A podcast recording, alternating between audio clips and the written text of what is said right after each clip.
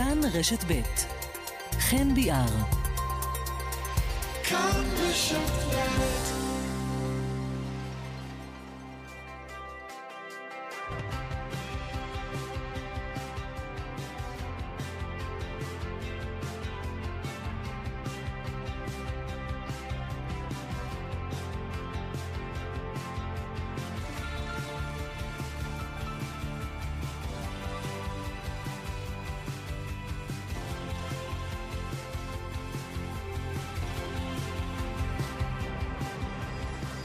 שלום רב, ערב טוב לכם, כאן רשת ב', כאן אה, צפון, כמדי אה, יום שלישי. אנחנו אה, כאן עם כל הנושאים שמעסיקים, מטרידים, מעניינים את תושבי הצפון, ואתם מוזמנים להצטרף אלינו. לא היינו כאן בשבוע שעבר בגלל האירועים הביטחוניים בדרום, אבל הערב אנחנו כאן איתכם ואתם מוזמנים להצטרף אלינו עד 11. נדב רוזנצוויג מפיק את המשדר הזה, ז'נה יגל, על הביצוע הטכני. אנוכי חן ביאר, האזנה טובה.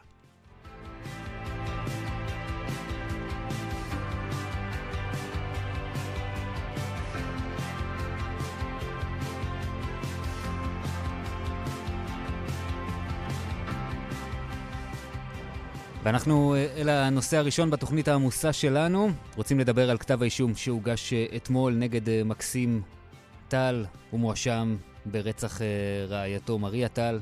אנחנו אומרים שלום לעורך הדין רועי קרן, סנגורו של מקסים טל, ערב טוב לך. שלום לכולם. כתב אישום הוגש אתמול אחרי שבמשך יותר מ-30 ימים אומר הלקוח שלך מדובר בהתאבדות, לא מדובר ברצח, וחוזר ושב על הגרסה הזו. בסופו של דבר מוגש uh, כתב אישום, והתיק הזה הולך לבית משפט, והסעיף הוא כמובן סעיף רצח. נכון, אגב, 43 ימים, זה מאוד משמעותי, וכן, הוגש כתב אישום, ואנחנו מודעים לכך. היה משהו בעובדות uh, שנחשפו אתמול בכתב האישום שהפתיע אתכם, שלא ידעתם, שהתחדש uh, בעבורכם? בכלל לא. כל החקירה אנחנו מחכים לראות מתי תוטל הפצצה. חשבתי אולי בסוף יטיחו בו דברים. כל החקירה התנהלה במישורים האלו במשך 60 או 70 שעות חקירה מצולמות של מקסים, וחיכינו לפצצה, ואין פצצה. להפך, יש מוקש למדינה, שכאשר חוות הדעת הפתולוגית אומרת שאי אפשר לשלול פגיעה עצמית ואי אפשר לשלול את גרסתו, זה לב. הדברים ברורים. אבל יש כן אה, ראייה שאני לא יודע עד כמה היא דוברה עד לכתב האישום אתמול, שתי טביעות אצבע שנמצאו על הסכין שבאמצעותו בוצע הרצח, אה, טביעות אצבע ששייכות למקסים טל. נכון, חן, לא, לא דובר, אני ואתה יודעים את זה ושוחחנו על כך. אה, טביעות האצבע הם היו כתוצאה מכך שהוא לקח את הסכין מידה לאחר שדקרה את עצמה וזרק אותו על הרצפה. הוא אמר את זה מהרגע הראשון בחקירתו, ולכן, לא פלא שיש טביעות אצבע שלו על הסכין, זה מתיישב עם גרסתו. מה לגבי טביעות אצבע שלה? גם נמצאו על הסכין הזו? שאלה, זה עניין מדעי פורנזי, יש לנו מומחה שבודק בימים אלו את העניין, אומרים אין טביעות אצבע. אני לא בטוח שזה המצב, אני סבור שיש טביעות אצבע, אבל אולי בלא מספיק נקודות חיבור, על מנת שתהיה טביעת אצבע צריך 12 נקודות, 12 נקודות של נקודות ממשק עם הסכין, יכול להיות שיש פה ארבע או חמש נקודות, וכן, ואי אפשר להוכיח שזו טביעת אצבע שלה. אני בטוח שיהיו ממצאים לכך שהיא נגעה בסכין, ממצאים פוזיטיביים. וזה בבדיקה של מומחה בימים אלו, על ידינו. תראה, אנחנו לא מתרגשים מזה. עניין נוסף שדובר אה, לא מעט בדיונים שהיו בהארכות המעצר אה, עד להגשת כתב האישום, זו שאלת המניע. ודובר על כך שמערכת היחסים בין בני הזוג הייתה במשבר, אה, שמקסים טל חשד שאשתו מקיימת קשר עם אה, גבר אחר, ודובר על כך שבעצם העובדה אה, שהיחסים האלו היו ככה על סף סיום, יכולה לשמש כמניע גם לרצח אם מקבלים את גישת המשטרה והמדינה, וגם להתאבדות אם מקבלים את גישתו שלו. אתמול נכון, הצטר... ו... כן, ד... כן, תתייחס, כן, תתייחס. לא, לא, תתייחס, תתייחס. כן, נכון, זה בדיוק העניין. לא ראיתי לא בכתב האישום ולא בבקשת המעצר עד תום הליכים, את גרסתו. הוא, הם אומרים, היא התאבדה כי הוא גילה את הבגידה. זה ממש לא נכון. היא התאבדה כי הוא רצה לעזוב את הבית. מיד לאחר גילוי הבגידה, לטענתו, הוא אמר לה, אני עוזב את הבית. אז אם מדברים על מניע לרצח, באותה מידה יש מניע להתאבדות. אבל יש כאן עניין שהתחדד בכתב האישום, וזה הטענה שערב קודם, ערב לפני מותה, הוא אה, מצא התכתבות שלה עם גבר אחר בטלפון שהיא לפי כתב האישום הסתירה ממנו, לא הטלפון שהיא השתמשה בו רוב הזמן, וזה היה הטריגר למעשה, לפי כתב האישום. אז אם היא הסתירה את זה ממנו, איך הוא ידע את הקוד של הטלפון? הוא נכנס לטלפון הזה עם קוד, הם נהגו לבלוש אחד אחר השני במשך שש שנים, באותו טלפון שלכאורה היא הסתירה. אם היא הסתירה, הטלפון היה מקודד עם קוד, איך הוא ידע את הקוד? עובדה, והוא לא ראה את זה בערב שלפני, הוא ראה את זה בלילה שלפני. והוא רצה להשתמש בזה לצורך הליך הגירושין, אה, אם, אם, אם, אם היא תתנגד לגירושין, לעזוב את הבית, הוא רצה להחזיק את הילדות, לקחת אותן, וזה לגיטימי. מה שקרה בבוקר שהוא מחק את התמונות, זה לא, זה, זה לא משהו כפי שזה מוצג. הוא מחק, כי אדם היה בטראומה, וחשב שאולי עכשיו יגידו שזה אני. מי שתכנן את זה בקור רוח ועשה את זה, ילך למחוק את התמונות בלילה, ויביא את מד"א והמשטרה לבית אחרי שהוא עשה את זה, זה לא יעלה על הדעת. צריך להפעיל גם היגיון בריא. או שטוענים שהוא עשה את זה בקור רוח ובאופן מחושב, מתוך כוונה לרצוח, או שטוענים שזה רגע של טירוף. אני עדיין לא מבין מה המדינה טוענת בעניין הזה. איך אתם, אפרופו כל הנושא של אזעקת uh, כוחות ההצלה, איך אתם מתייחסים והולכים להתייחס במהלך המשפט לעובדה שהטלפון הראשון היה לאימא שלו, לא למד"א, אתה יודע, אדם שרואה את אשתו, פתאום מוצא את אשתו כשהיא התאבדה, אתה יודע, הדעת מניחה שדבר ראשון הוא התקשר בבהלה למגן דוד אדום לנסות להציל את חייה. אז אני לא מאחל לאף אחד להיות במצב הזה. הוא לא מצא אותה כשהיא התאבדה, הוא, הוא ראה את התהליך, הוא ראה שהיא דקרה את עצמה, והטלפון הראשון מתוך ההלם והטראומה היה למישהו הכי סומך עליו, שזה אימא שלו. אי אפשר לשפוט אדם במצב הזה, כן. כלומר, לדעתך הדבר הזה לא מעלה ולא מוריד מה, מהשאלה, זה לא... ממש לא, ממש לא. לא הייתי רוצה לאחל לאף אחד להיות במצב זה הזה, בוודאי, זה בוודאי. עם כל אדם בזירה, ולבוא ולהגיד, עכשיו אני אתקשר למד"א ולא לאימא שלי. אולי עשה טעות, אבל מה שאימא שלו אמרה, ואגב, השיחה הזו מוקלטת, זה תתקשר למד"א ולמשטרה. אז מה מנסים להראות? שאימא שלו ידעה, שהוא רצה מה לעשות. עובדה שזה מה שקרה. אלו עובדות, אלו דברים מוקלטים, שהמדינה עד עכשיו מסתירה. מה זה מסתירה? לא ציינה. אנחנו צריכים להציף את הדברים האלו, כדי שתהיה תמונה מלאה לציבור ותהיה תזה אחרת. במה אתה הולך להתמקד במהלך התיק הזה? יהיה לך זמן להביא עדים, לטעון? מה אתה הולך להראות בעצם לבית המשפט כאשר אתה תנהל את הדיון? אני הולך להראות את האמת. להראות את האמת העובדתית שמריה התאבדה. בזה אני הולך להתמקד. מה לגבי הילדות? הילדות זה סיפור עצוב מאוד, קשה מאוד.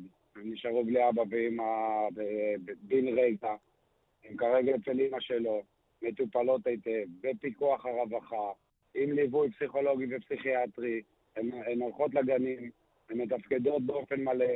אה, האמא מאפשרת גם לבני משפחתה ככל שהרווחה מאשרים את זה, לקחת אותם. היום למשל הם ישנות אצל האח, אצל אלכסיי, פעם ראשונה. והם גם מאפשרת ומעודדת ותומכת בזה. אין ספק, וכך המדינה אומרת, שטובת הילדות מחייבת שהות אצל אמו. אין ספק בזה. והמדינה לא סתם נוקטת באמצעים שהיא נוקטת, כרגע עד ה-26 לנובמבר לפחות, הילדות יישארו אצל אמו, וכך זה גם בהמשך, אין לי ספק. ואגב, אין לי ספק שהוא יחזור הביתה במהרה, עניין המעצר טרם מוכרע. אני חושב שבית המשפט המחוזי שיקרא את התיק, יצביע ויאמר את דעתו, שיש חולשה רצינית מאוד ברעיון. כן, אתה רואה פה מצב שזה לא מעצר עד תום ההליכים? לא רואה שום מצב אחר, באמת. לא רואה שום מצב אחר. גם כאשר האישום עדיין עומד על כנו. כן, ככה מתנהל תיק. קודם כל דנים במעצר השאלה האם יש מספיק ראיות כדי להחזיק אדם עד תום ההליכים, ויש את התיק העיקרי שמתנהל במקביל, ששם מוכרעת שאלת החפות או האשמה, ואת שניהם אנחנו ננהל עם ראש מורם, ואני יודע, אני מאמין שהתוצאות יהיו לטובתנו, כמו שהאמת היא לטובתנו. עורך הדין רועי קרן, סנגורו של מקסים טל, אנחנו נמשיך לעקוב אחרי הפרשה הזאת. תודה רבה ששוחחת איתנו. תודה רבה לך, תודה. ביי, להתראות. שלום, ואנחנו רוצים לדבר עכשיו uh, על פרשת השחיתות שפרצה לחיינו בשבועות האחרונים, וחלק גדול מהמעורבים בה הם uh, אנשים שמתנהלים וחיים כאן uh, בצפון. במעצר בית נמצאים עדיין ראש עיריית uh, קריית אתא וראש uh, המועצה המקומית תל מונד, שהיה בעברו ראש עיריית קריית ים, ועוד חברה ששמה עולה בהקשר של הפרשה הזאת, זו חברת יפה נוף, החברה של עיריית חיפה, חברת התשתיות של עיריית חיפה, ואנחנו רוצים להגיד שלום לחבר מועצת העיר חיפה ויושב ראש הדירקטוריון של יפה נוף, יואב רמתי. שלום, ערב טוב, יואב. שלום, שלום, ערב טוב. תגיד, מה קורה בימים אלה בחברה? איך מתנהלים שיש עננה כזו שמרחפת לה? אנחנו לא יודעים על מה בדיוק חוקרים את המנכ"ל, או מה בדיוק הנושאים. החברה היא חברה גדולה, היא יותר מ-20 שנה, חברה יציבה, ואנחנו, יש לנו בתקנון ממלא מקום מנכ"ל, וכמובן הוא תפס פיקוד, והחברה ממשיכה להתנהל כסדרה. אנחנו לא מעורבים בפרשיות האלה, וכשאני אומר אנחנו זה אנשים נוספים, וככל שאני יודע, יכול להיות שאפילו החברה אולי לא מעורבת. אני, זה אומר בהסתייגות, כי אני לא יודע, המשטרה לא עדכנה אותי, ולכן אנחנו ממשיכים לתפקד כרגיל. אבל אפשר, איך אפשר לתפקד כרגיל שאבישי כהן המנכ"ל, אה, מעצר בית לא מגיע לעבודה, ושיש פרויקטים שהחברה הייתה מעורבת בה, שאנחנו יודעים שהם נמצאים במוקד של חקירה? אז אני אומר, מאחר ואני לא יודע את הפרטים, אני לא נכנס לפרטים האלה, אבל החברה היא אה, חברה בת 20 עם אה, הרבה פרויקטים, הרבה אגפים, והחברה עצמה, אני אספתי גם את העובדים. הסברתי להם, ככל שאנחנו אה, לא יודעים, אנחנו ממשיכים לעבוד, להתנהל הכי מקצועית שאנחנו יכולים. אה, אני אומר, זה ודאי פוגע שלוקחים מנכ"ל והוא נהדר, וגם אה, אני מניח שאני אעשה ישיבת דירקטוריון לדון במצב הזה, אבל אני אומר, החברה כרגע, מבחינת התנהלות חוזית מול הקבלנים, מול המתכננים, ממשיכה כרגיל, אה, ואנחנו עוד פעם אומר, אנחנו לא יודעים מה הפרטים של החקירה. מה העובדים אגב שואלים? מה, על מה הם מדברים איתך בנסיבות האלה שאתה נפגש איתם? אני יזמתי פנייה אליהם, הם לא שאלו אותי, אני, פני, אני יזמתי, אני חושב שקודם כל צריך להגיד, לטעמי בכלל, המשטרה עושה עבודה טובה, היא אה, בסך הכל מחפשת אה, ליישר את המערכת במידה והמערכת פעלה לא נכון. אני מזכיר לך שאני בדירקטוריון רק מדצמבר 18, אספתי את העובדים, הסתכלתי להם בעיניים ואמרתי, רבותיי, כל עוד אתם מאמינים במה שאתם עושים, אה, תמשיכו לעבוד כמו שעבדתם עד כה, עם כל העננה, כמו שאתה קורא לה, שנמצאת, ותתייחסו עוד פעם בצורה הכי מקצועית, ככה גם אני משתדל לשדר את הדברים. ככל שנדע פרטים או נצטרך אה, לעזור במשהו, אנחנו כמובן נסייע. אני אומר לך שבמוטו שלי, חברה לא צריכה להתייחס לחקירה, היא צריכה להתייחס לעצמה, הן מבחינה ערכית והן מבחינה מוסרית, ואני אומר לך שהרף האישי שלי הוא יותר גבוה מאשר uh, הצד הפלילי, הוא מחפש גם דברים ערכיים ומוסריים, ומשתדל ליישר גם אותם. מיד נדבר על זה, אני רוצה אבל קודם לעשות איזה רגע יישוב, יישור קו קטן עם המאזינים שאולי פחות מכירים. חברת יפנוף חברה אה, שהיא שייכת למעשה לעיריית חיפה, אבל מבצעת הרבה מאוד פרויקטים גדולים, לא רק בחיפה, בכל הצפון.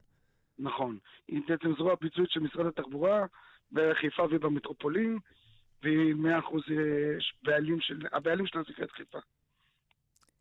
שאתה אומר, ואתה אה, ציינת שאתה למעשה אוטוטו סוגר שנה אה, בתפקיד, קיבלת את המינוי הזה אחרי הבחירות האחרונות, ראית אה, דברים בחברה שלא היו אה, לרוחך, לא מצאו חן אה, בעיניך, ואני לא מדבר עכשיו על הפרשה הזו שנחקרת או על הרמה הפלילית, מבחינת ההסתכלות והראייה שלך כיושב ראש דירקטוריון חדש שמגיע ומתחיל לעבוד.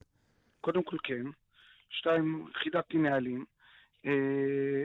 אספתי גם את הדירקטוריון כדי לחדד את הדברים גם כלפי ההנהלה וגם לקבל החלטה משותפת בדירקטוריון. ואני אומר לך, ככל שאנחנו אה, פועלים, אנחנו פועלים במישור המקצועי, ומבחינתי גם הערכי והמוסרי, כדי שבאמת לא יהיו פינות שלא נסגרות. כמובן שיש תמיד מה להשתפר, והחברה באמת צועדת בכיוון הזה. מה למשל ראית שלא מצא חן בעיניך? זה, זה דברים שהם פנימיים בתוך החברה, אני לא רוצה אה, לפרט אותם ברדיו, אבל היו דברים כאלה. אני אומר... לא, אבל באופן כללי, בלי להיכנס, אתה יודע, לעובד כזה, עובד אחר, ברמה הכללית. אני אומר פעם, נהלים בסיסיים של אה, תנאים של העובדים, חייבים להיות רשומים, זכורים בכל הפרטים שלהם. אה, התנהלות במכרזים, איך, איך זה צריך לעבוד, ניהלנו על זה הרבה ישיבות עם היועצים המשפטיים, גם של העירייה, גם של יפנוף, חידדנו איך צריך להיות הנהלים של המכרזים. כל הדברים האלה, אה, אני חושב שליבנו אותם, ואנחנו, אה, החברה מתקנת אותה. כלומר, אתה אומר כאן בעצם שנכנסת לתפקיד ברמה הערכית, ברף המוסרי שאנחנו רוצים לראות חברה ציבורית מתנהלת בה, זה לא היה שם? זה לא היה בסטנדרטים? אני אומר פעם, אני אה, אה, רוצה, לא רוצה להגיד מה לא היה, אני אומר מה יהיה. לדעתי, אנחנו שיפרנו גם את הדברים האלה וגם את התהליכים המקצועיים והערכיים בחברה. מבחינת המכרזים וכל הדברים האלה. והיום זה מתנהל אחרת? היום דברים אה, השתנו לעומת מה שהיה לפני שנה? קיבל, כן, מאחר וקיבלנו ה... קיבלנו החלטות יחד עם היועצים המשפטיים וכל הדברים, זה ודאי משתנה, ואחרי שהתקבלו החלטות, זה עבר לביצוע. זה דברים שהם קשורים ל- למה? להתנהלות עם כספים? ל... לא, התנהלות היו גם דברים ברמה הפלילית ש- שדיווחת עליהם, שאולי כן היה צורך לחקור אותם? לא, לא, לא, אבל אני אומר, לא, אני לא, זה לא תחום עיסוקי, אני לא מגדיר פלילי או לא, אבל אני אומר לכם, מבחינת מנהל תקין, בהחלט כן, עשינו שינויים, והחברה מעוניינת בשינויים האלה. אגב, כשאני אומר חברה, זה לא אני אישית, זה כל החברה, והדירקטוריון שלה מעוניינים להשתפר בתחומים האלה, ובהחלט עשינו שינויים, קיבלנו החלטות והעברנו אותן לביצוע. אני מדבר איתך על התנהלות של uh, קבלת החלטות במכרזים, uh, שיטת העבודה, כל הדברים האלה, אפילו תנאי, ברמה של תנאים של עובדים, כל הדברים האלה, אנחנו מכינים נהלים וכמובן עובדים לפיהם. תגיד, כמה זמן זה היה ככה, עד, ה, עד השינוי? כמה זמן זה התנהל ב, ברמה שהיא לא משביעת רצון? אני נכנסתי בדצמבר, שיקפתי את הדבר הזה, אבל אני מניח שעשית ברור אחורנית להבין מה, מה קרה ולאן אתה נכנס. לא, אבל לא הלכתי לבדוק ממתי התקבלה כל החלטה. אמרתי, אם אני חושב שיש הליך שהוא לא נראה לי תקין, אז אני מעלה אותו. עשינו, אה, בדקנו את דוחות המבקרים הקודמים. כל הדברים האלה עשינו עבודה מסודרת, הן על הדוחות המבקרים שהיו, והן על הנהלים שכרגע הם בחברה. ממתי התקבלו, לא הלכתי לבדוק ממתי בדיוק התקבלה כל החלטה. זה גם לא חשוב לי, אני מבחינתי, ברגע שאני בחברה, רוצה, רוצה לנסות לשפר אותה ככל שניתן. אני רוצה לשאול אותך לפני סיום שאלה ברמה הכללית יותר. אתה אדם שמכיר גם מעיסוקיך הקודמים אה, בעולם העסקי את תחום התשתיות וחברות שעוסקות בתחומים האלה. מכיר גם היטב בוודאי את קשרי הון שלטון בנושא הזה ופרשות שהיו בעבר. עד כמה חששת שזה, כשאתה נכנס לחברה כמו יפה נוף, עד כמה אתה חושש שתמצא דברים כאלה בחברה? בעיריית חיפה, בקשר של החברה עם עיריות אחרות כאן באזור? אני לא, לא מתמקד בחשש, אני מתמקד בעין טובה. המטרה שלי, ככל שאני יכול, להביא, הן מבחינה מקצועית והן מבחינה אה, של ניהול תקין, את כל הניסיון שלי לידי ביצוע. ובזה אני מתמקד, אני לא, לא במקום של חשש. אני רואה תהליכים, רואה משהו שאפשר לתקן אותו, אני מביא אותו לדירקטוריון, מקבל את ההחלטה ומעביר את זה לביצוע. המנכ"ל יחזור? אני לא יכול להגיד שום דבר בעניין הזה, כי אני לא יודע, לא, אפילו לא נפגשתי איתו. כרגע, אבל יש עליו תנאים מגבילים, אחרי מעצר הבית, הוא לא יוכל ישר לחזור לעבודה, אני מתאר לעצמי. כן, אז כמה שאני יודע, יש שם איזשהם תנאים מגבילים שהוא לא יכול פיזית להגיע, אבל יש שם גם משפט שאומר שהוא יכול להמשיך לעבוד, אז אני לא כל כך ברור לי איך זה עובד ביחד, אבל זה באמת בתחום המשפטי יותר. אה, אני כרגע מתפקד עם ממלא מקום, וכמובן שהיועצים המשפטיים לאט לאט יבהירו את השיטת עבודה.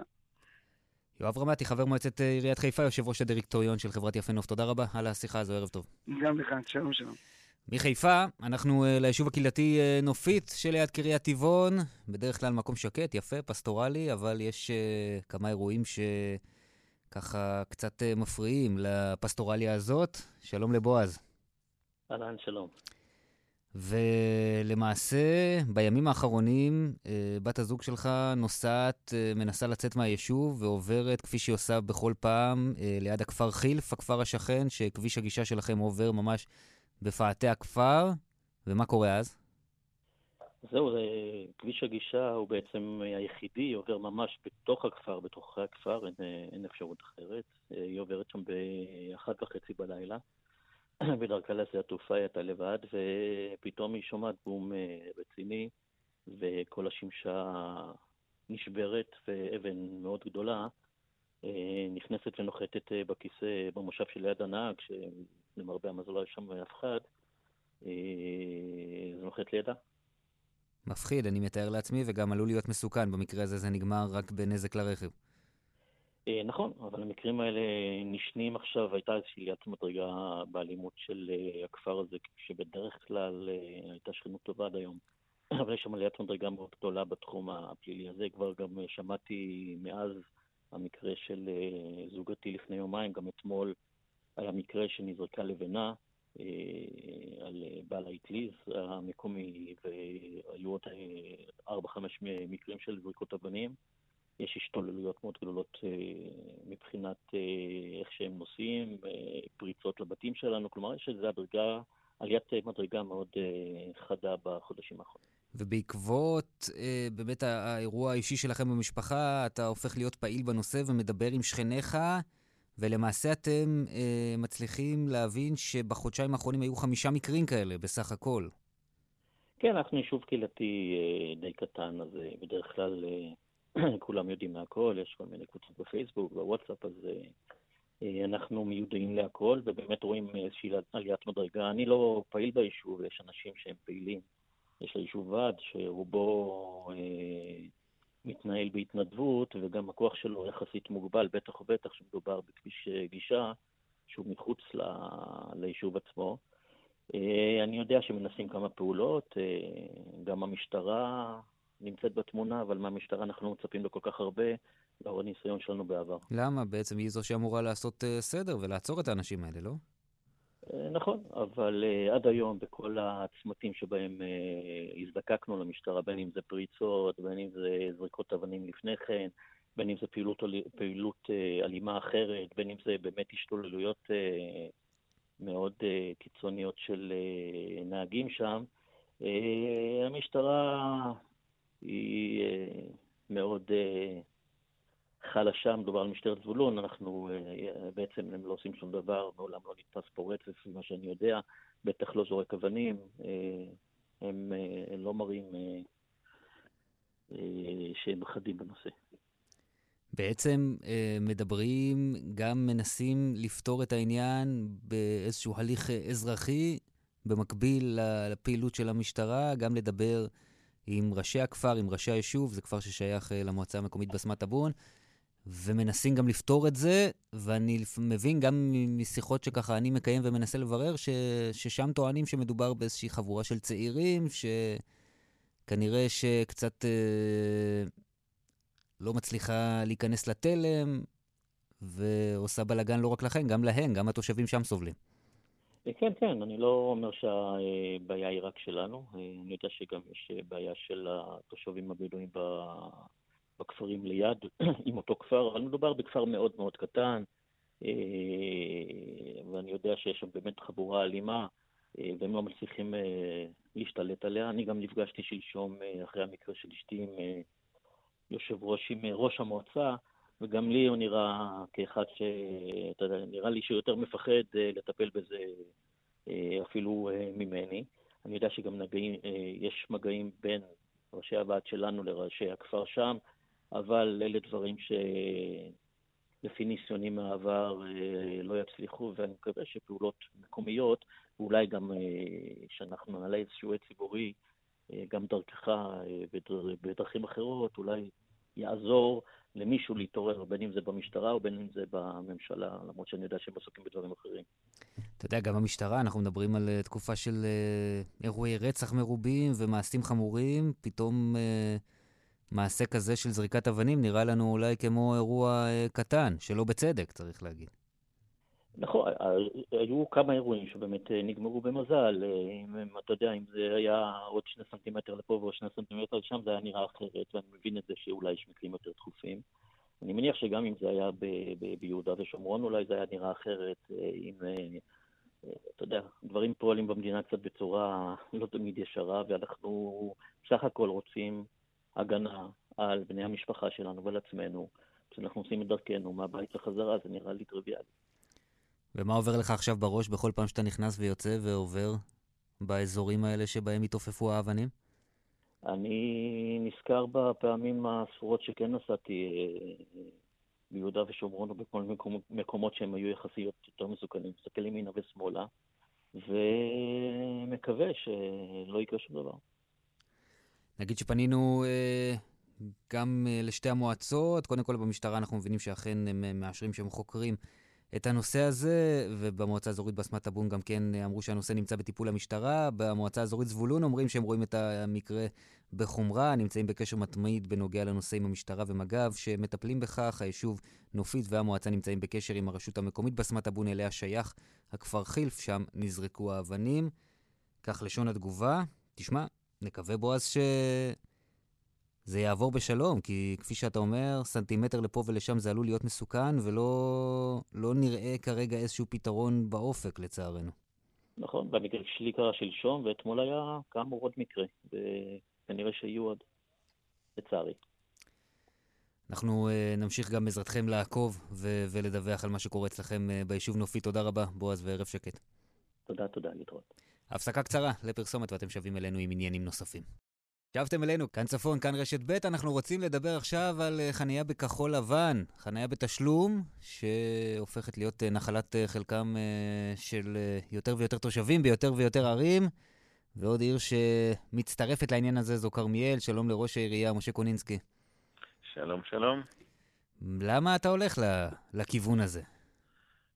תראה, קודם כל אנחנו מדברים פה על רפורמה בכל נושא החנייה בעיר, זה לא משהו נקודתי, זה משהו הרבה יותר רחב היקף. אנחנו מיפינו בעזרת אה, יועץ את כל אזורי החנייה בעיר, יש לנו היום משנה סדורה לשנים הקרובות, והמטרה היא קודם כל אה, להיטיב עם התושבים המקומיים. כמו שבעיריית תל אביב יש אה, תעריף לתושבים מקומיים ותעריף לתושבי חוץ, אז קודם כל גם אנחנו בתהליך הזה. אמנם באיחור של כמה, כמה וכמה ש... שנים, אבל גם אנחנו שם. דבר שני, אה, אנחנו רוצים להגיע למצב כזה שהאזורים שהם בסמיכות למוסדות חינוך אקדמיים יהיו אה, לטובת התושבים. אה, בכל המוסדות האקדמיים פה בעיר, בטח ובטח במכלל, במכללת בראודה, יש קרוב ל-500 חניות בתוך המתחם. בכל עיר אחרת שיש בה מוסד אקדמי, גם שם מקבלים, אה, אה, משלמים, אבל זה כבר עניין של ה, המכללה עצמה. Mm-hmm. מסביב, עם כל הכבוד, זה גוזל מקומות של תושבים. וצר לי, אבל אנחנו צריכים גם להתחשב בתושבים שהם מתגוררים בסמוך למוסדות. ומדובר כ... בעשרות בודדים. כמה, כמה נשלם? מי זה כמה אנחנו נשלם? אנחנו... כמה התושבים ככה, וכמה האורחים? תושבי כרמיאל, קודם כל, אה, בטווח הבינוני, ישלמו מחצית מתושבי חוץ. אנחנו מדברים על כך שתושב כרמיאל ישלם 2 שקלים לשעה, ותושב חוץ ישלם 4 שקלים לשעה. אה, סטודנטים יוכלו לרכוש מנויים במחירים אה, סבירים. אנחנו עכשיו אה, מתקצבים את זה, אנחנו מתמחרים את זה, והם יוכלו לעשות את זה על בסיס חודשי, וזה בהחלט יהיה יותר אטרקטיבי. אבל עוד פעם, המטרה היא לתת שירות איכותי לתושבים. בינתיים, אתה יודע, הצלחת להרגיז גם את הסטודנטים ואת אגודת הסטודנטים, אבל גם כמה מהתושבים שלא רוצים לשלם והתרגלו לחנות חינם.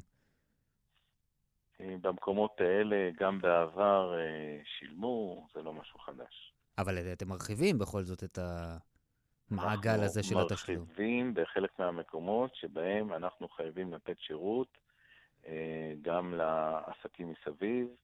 אנחנו לא יכולים שיבואו וישתמשו בחנייה מהבוקר עד הלילה, וימנעו גם את אפשרות המסחר והפרנסה לתושבי העיר. שיש להם עסקים במרכז העיר, ותמיד צריך למצוא את המינון הנכון. אבל אתה יכול לעשות עוד הרבה דברים, אתה יכול להגביל חניה לשעתיים, אתה יכול להגיד זה אזור מסוים רק לתושבי העיר, אתה לא חייב לגבות כסף, אולי בכל זאת השיקול כאן זה קופת העירייה ולא השירות. זה בדיוק מה שעשינו, חלק מהמקומות. אתה מתייחס רק על הנושא הזה של הסטודנטים. אבל אמרתי, יש פה תמונה הרבה יותר רחבה. לא, אני רוצה לדבר על התמונה הרחבה. אז בתמונה הרחבה יש הרבה מקומות שתושבי העיר מקבלים אה, חינם, יש הרבה מקומות בעיר חדשים שמקבלים חינם, ויש מקומות אחרים, הרבה יותר אה, מבחינת ההיקף שלהם קטנים, שבהם אנחנו מחייבים עכשיו. אבל גם פה החיוב יהיה אה, מחצית מתושבי חוץ. אני רוצה לשתף אותך במשהו שאמר לי תושב העיר שלך.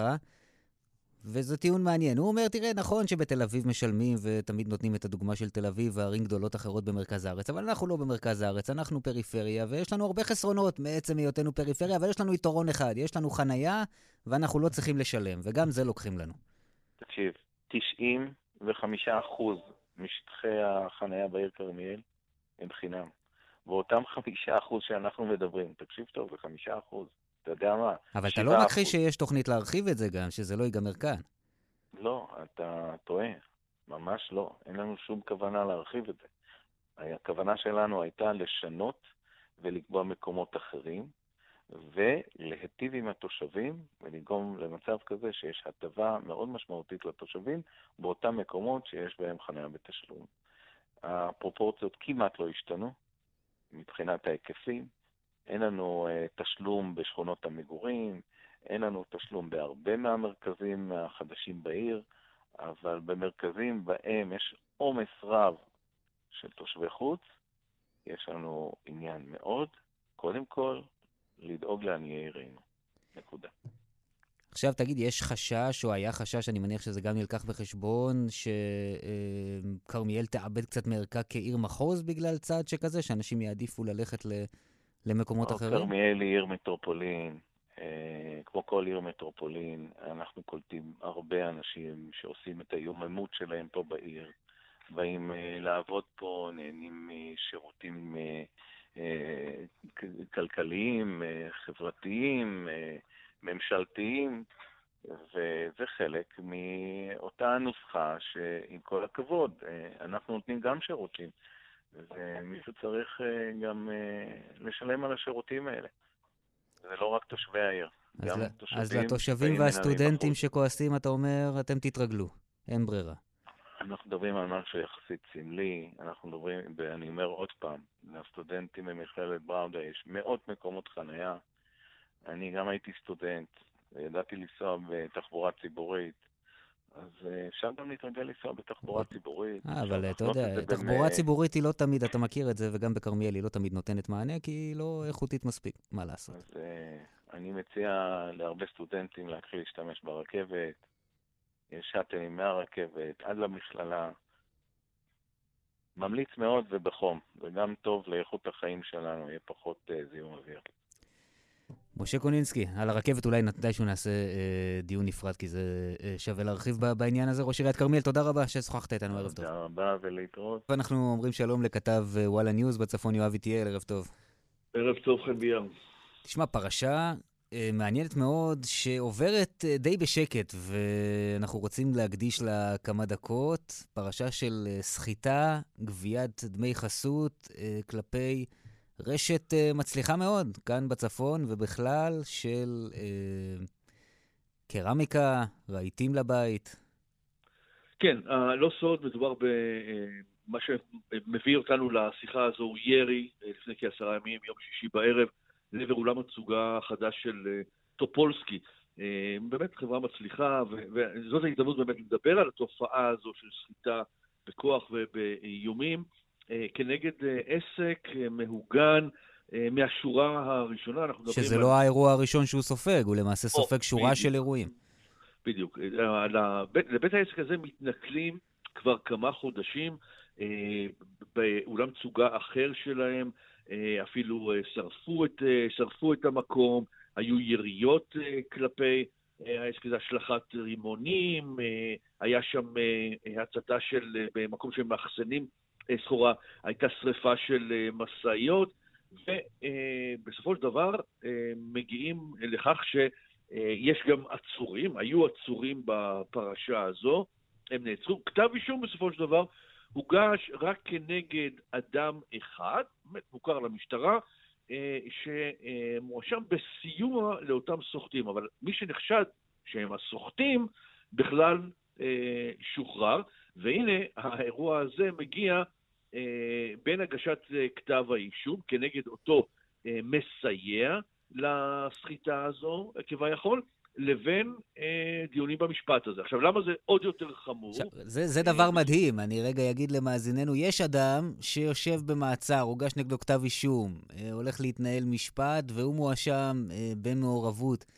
בסחיטה, בגביית דמי חסות, פרוטקשן, כאשר במקביל הקורבן, אה, חלונות ראווה שלו ממשיכים אה, להתפוצץ, והוא ממשיך למעשה להיות קורבן, ממשיכים לאיים כן, עליו. אז בדיוק. אז קודם כל נאמר שאותו חשוד, אותו נאשם, בפרשה הזו כבר שוחרר בינתיים למעצר בית, אה, כי אתה יודע, במחוזותינו לא מחזיקים יותר מדי זמן כן. אנשים מאחורי סורג ובריח, גם בעבירות חמורות מאוד, ונציין שבעל העסק, אותו בעל העסק מר משה טופולסקי, הוא עד התביעה המרכזי במשפט הזה.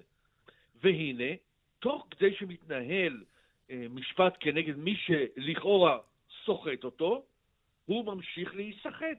ממשיך, אה, ממשיכות להיות התנכלויות לעסק שלו. אז, אז, ו, וכל זה, על רקע מה שאמרת בפתיחה, שכל זה עובר לנו ככה, אתה יודע, אנחנו מדברים על אולי העבירות מהחמורות ביותר שיש, וכמובן לא יכול להיות לא שלטון חוק ולא כלכלה, אה, לא יכולה להתקיים במציאות כזו, והנה, כאילו, על זה אנחנו לא שומעים. אנחנו שומעים במקום זה, אתה יודע, על העבירות אה, הרגילות שאנחנו אה, שומעים השכם והערב אה, מהמשטרה. פה אנחנו מדברים במשהו שיכול לשתק כלכלה, וכשמדברים על הכלכלה של חיפה, אני רוצה להזכיר שהעסק של טופולסקי הוא לא העסק היחידי שנסחט באיומים. אנחנו מכירים את חברת השכרת הרכב הארצית, שלמה סיקסט, Mm-hmm. ושריפת המכוניות במגרשים שלה והמשרד שלה באזור אה, הקריות, המפרץ וחיפה.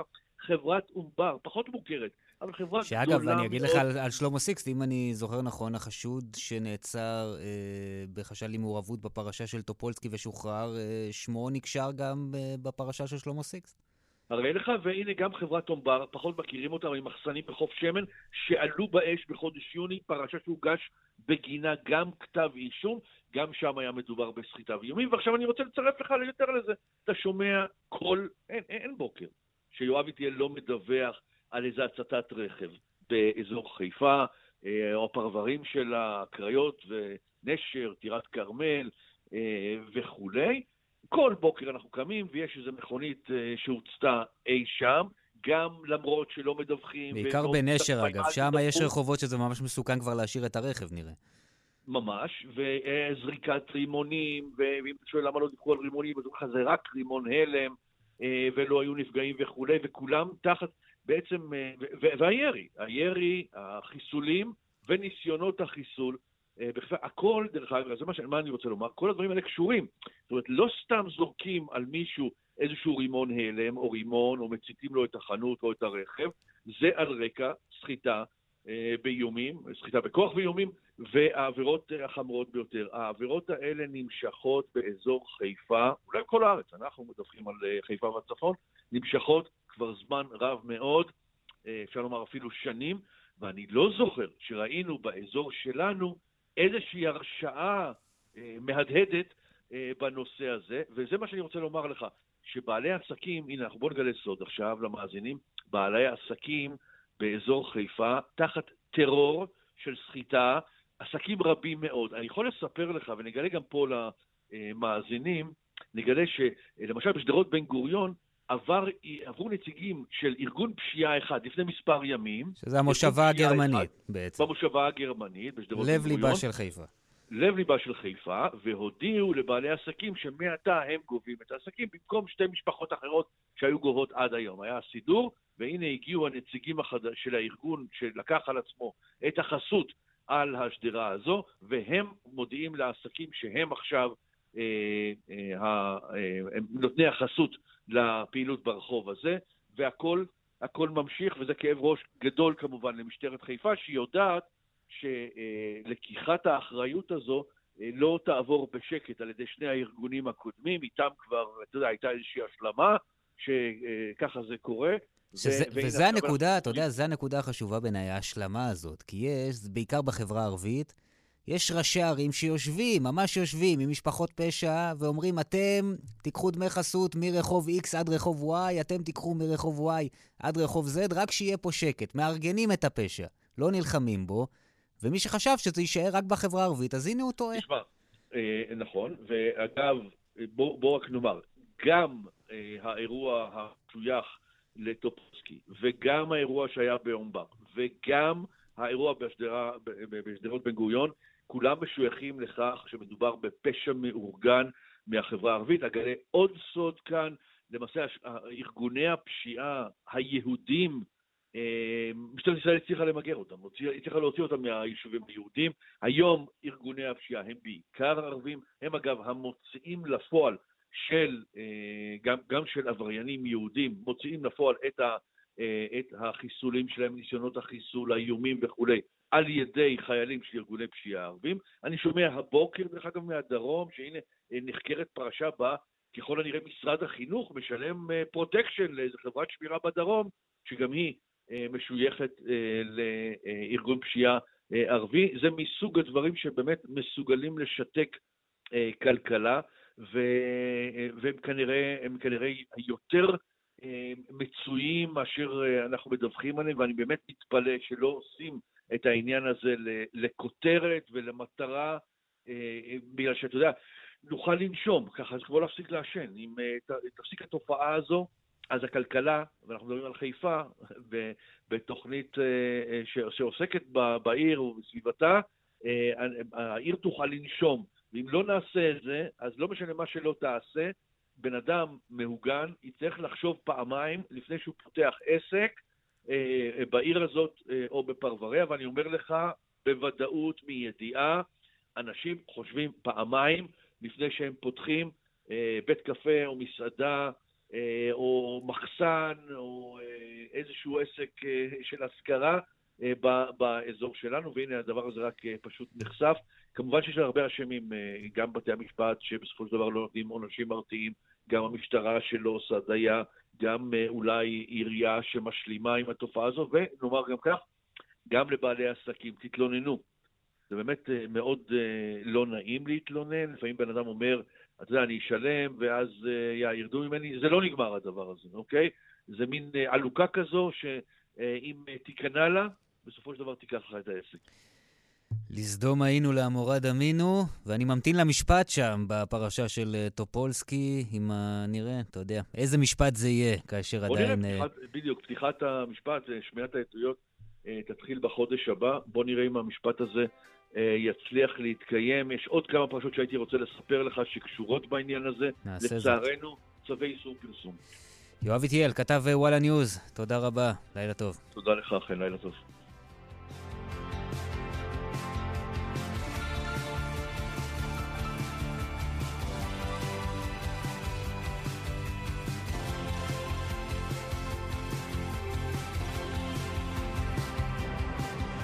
סוף שעה ראשונה של כאן צפון, כאן ברשת ב', תודה רבה לנדב רוזנצוויג שמפיק את המשדר הזה, לז'נה יגל על הביצוע הטכני, אנוכי חן ביאר וכולנו כאן אחר החדשות לשעה שנייה.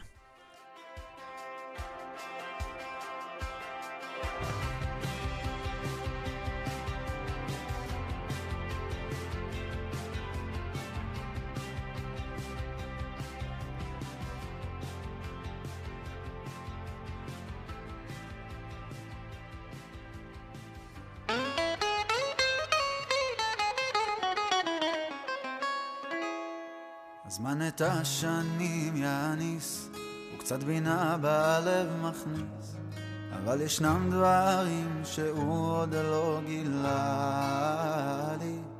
האם יפרח לי עוד שושן? האם נאור בי ניצוץ נושן? האם בסוף הדרך מחכה תשובה לי? ואיך נדע six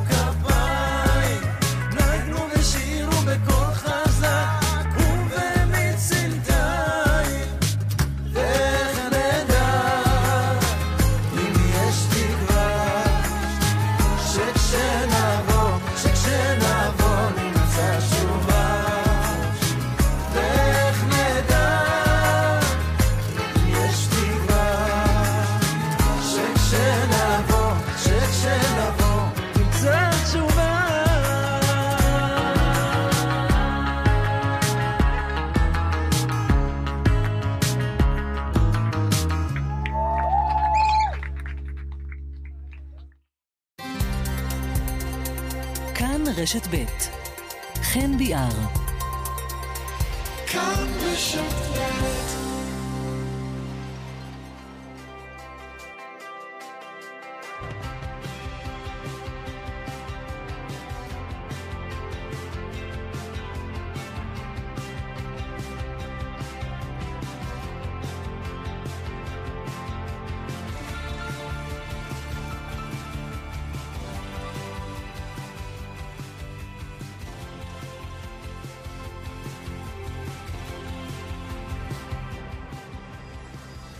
ערב טוב, שוב אה, שלום לכם, גם לשבים, גם למצטרפים, כאן צפון, שעה שנייה, כאן ברשת ב', נדב רוזנצוויג מפיק את המשדר הזה, ז'נה יגל על הביצוע הטכני, אנוכי חן ביאר, ואנחנו אה, בלי יותר מדי הקדמות אה, מיותרות, הישר אל הפרלמנט שלנו.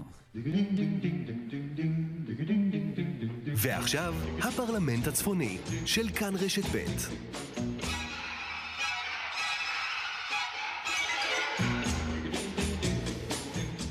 שלום לרובי אמרשלג, שלום, לילה טוב. ושלום אורלי אלקלעי. שלום, ערב טוב. טוב, הרבה עניינים היום על סדר היום האמת. רובי, התחלת, התחלת מוקדם את, ה, את היום הזה.